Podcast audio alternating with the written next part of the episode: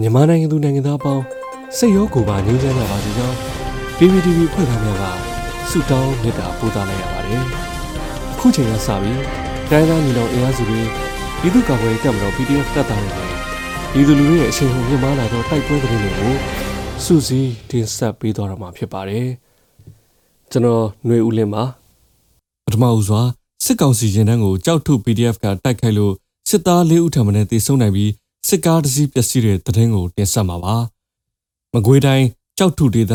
ကြောက်ထုပခုတ်ကူလမ်းပိုင်းတွင်စစ်ကောင်စီရင်တန်းကိုဖေဖော်ဝါရီလ၄ရက်နေ့နဲ့6ရက်နေ့များတွင်ကြောက်ထုဒေသ PDF ကလက်နက်ကြီးများမိုင်းများဖြင့်ပစ်ခတ်တိုက်ခတ်ခဲ့ပြီးစစ်သား၄ဦးထံမှတေဆုံးပြီးစစ်ကားတစ်စီးပျက်စီးသွားကြောင်းကြောက်ထု Region People Defense Force ကသတင်းထုတ်ပြန်ထားပါတယ်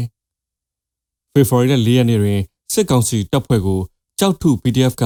မိုင်းရှစ်လုံးဖြင့်ဖောက်ခွဲတိုက်ခိုက်ခဲ့သည့်ဖြစ်စဉ်၌စစ်သားလေးဦးသေဆုံးကြောင်းကြောက်ထု PDF ကအတည်ပြုခဲ့တာပါဖေဖော်ဝါရီလ6ရက်နေ့ကြောက်ထုပခုတ်ကူလမ်းပိုင်း၌စစ်ကောင်စီရင်နှန်းကိုနှစ်ကြိမ်လက်နက်ကြီးလက်နက်ငယ်များဖြင့်ပစ်ခတ်တိုက်ခတ်ခဲ့ရာ60မမလက်နက်ကြီးကြီးထိမှန်ပြီးစစ်ကားတစ်စီးပျက်စီးသွားပြီးစစ်သားထိခိုက်ဒေဆုံးမှုကိုအတိမပြုနိုင်သေးဘူးလို့ဆိုပါတယ်တိုက်ခတ်ခံခဲ့ရသောစစ်ကောင်စီတပ်ဖွဲ့သည်လမ်းတစ်လျှောက်ရှိကြေးရွာများအတွင်သို့လက်နက်ကြီးလက်နက်ငယ်များဖြင့်ပစ်ခတ်ခဲ့ကြောင်း မပောက်ကွဲပဲကြန့်ရှိနေသေးသည့်လက်နက်ကြီးကြီးစံများကိုကြောက်ထု PDF ကဖယ်ရှားရှင်းလင်းခဲ့ကြောင်းကြောက်ထုဒေသပြည်သူ့ကာကွယ်တပ်ဖွဲ့ကသတင်းထုတ်ပြန်ပါတယ်။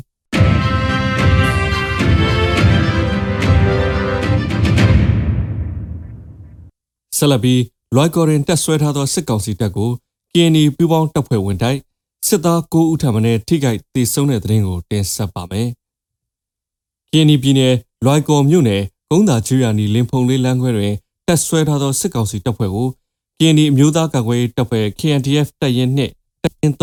တပ်ရင်း7နဲ့ဖဲကုံအရှိတ်ဘက်ကပြည်သူ့ကာကွယ်ရေးတပ်ဖွဲ့များကယနေ့ဖေဖော်ဝါရီလ9ရက်နေ့နနက်အစောပိုင်းတွင်ဝင်ရောက်တိုက်ခိုက်ခဲ့ပြီးစစ်သား9ဦးထံမှထိခိုက်ဒေဆုံးကြောင်းသတင်းရရှိပါသည်။ယနေ့နနက်9နာရီခွဲခန့်တွင် KND ပူးပေါင်းတပ်ဖွဲ့ကနှစ်ကြိမ်ပျောက်ကြားဝင်ရောက်ပစ်ခတ်ခဲ့ကြောင်း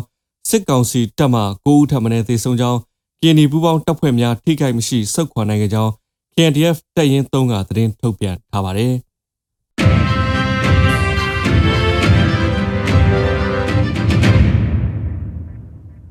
မောင်တော်ရင်စစ်တပ်ကထိုးစစ်ဆင်လာ၍တိုက်ပွဲဖြစ်ဟုအေအေပြန်ကြားရေးတောင်ခံခိုင်ဒုက္ခပြောစစ်ကောင်စီတပ်ဖွဲ့ဝင်9ဦးသေဆုံးတဲ့သတင်းကိုဆက်လက်တင်ဆက်မှာပါ။ရခိုင်ပြည်နယ်မောင်တော်မြို့နယ်တွင်ဖေဖော်ဝါရီလ4ရက်နေ့မှဖေဖော်ဝါရီလ6ရက်နေ့အထိတိုက်ပွဲများဖြစ်ပွားလာခြင်းမှာ စစ်ကောင်စီတပ်ကထိုးစစ်ဆင်နွှဲလာ၍ဖြစ်ကြောင်းရခိုင်တပ်တော် AA ၏ပြန်ကြားရေးတာဝန်ခံခိုင်တုခါကပြောဆိုပါတယ်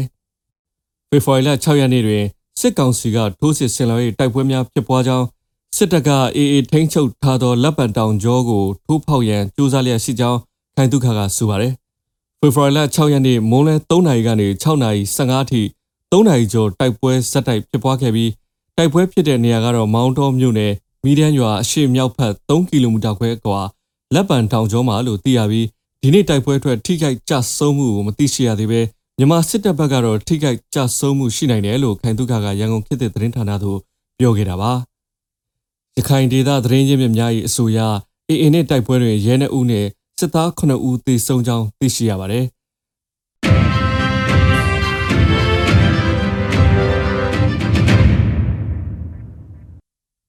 နောက်ဆုံးအနေနဲ့အမျိုးသားညီညွတ်ရေးအစိုးရပြည်ထောင်စုနဲ့လူမှုကြီးကြပ်ရေးဝန်ကြီးဌာနက2022ခုနှစ်ဖေဖော်ဝါရီလ9ရက်နေ့ရက်စွဲနဲ့ထုတ်ပြန်တဲ့ပြည်သူ့ခုခံတော်လှန်စစ်သတင်းအချက်အလက်တွေကိုတင်ဆက်ပေးသွားမှာပါ။အာဏာသိမ်းအကြမ်းဖက်စစ်အုပ်စု၏ပြည်သူလူထုပေါ်အကြမ်းဖက်ဖိနှိပ်ဖမ်းဆီးတိုက်ခိုက်တပ်ဖြတ်နေမှုများကိုပြည်သူလူထုတရက်လုံးကအသက်ရှင်တန်ရေးအတွက်မိမိကိုယ်ကိုမိမိခုခံကာကွယ်ပိုင်ခွင့်ရာပြည်သူခုခံစစ် People Defenses War ကိုဆင်နွှဲလျက်ရှိပါတယ်။သတင်းချက်လက်များအရ6ရက်2လ2022ခုနှစ်နေ့ရက်တွင်စစ်ကောင်စီတပ်ဖွဲ့ဝင်83ဦးသေဆုံးပြီးထိခိုက်ဒဏ်ရာရရှိသူ12ဦးအထိခုခံတိုက်ခိုက်နိုင်ခဲ့ပါတယ်။စစ်အာဏာရှင်စနစ်မြမမြေပေါ်မှာအပြီးတိုင်ချုပ်ငြိရင်နဲ့ Federal Democracy စနစ်တည်ဆောက်ရေးအတွက်ငြိမ်းချမ်းစွာဆန္ဒပြသည့်လူထုတပိတ်တိုက်ပွဲများကပြည်내နဲ့တိုင်းဒေသကြီးများမှာဖြစ်ပွားပေါ်ပေါက်လျက်ရှိပါတယ်။ မြေပြင်မှာယခုတွေ့ရတဲ့သတင်းအချက်အလက်များထက်ပို၍ဖြစ်ပွားနိုင်ပါတယ်ခင်ဗျာ။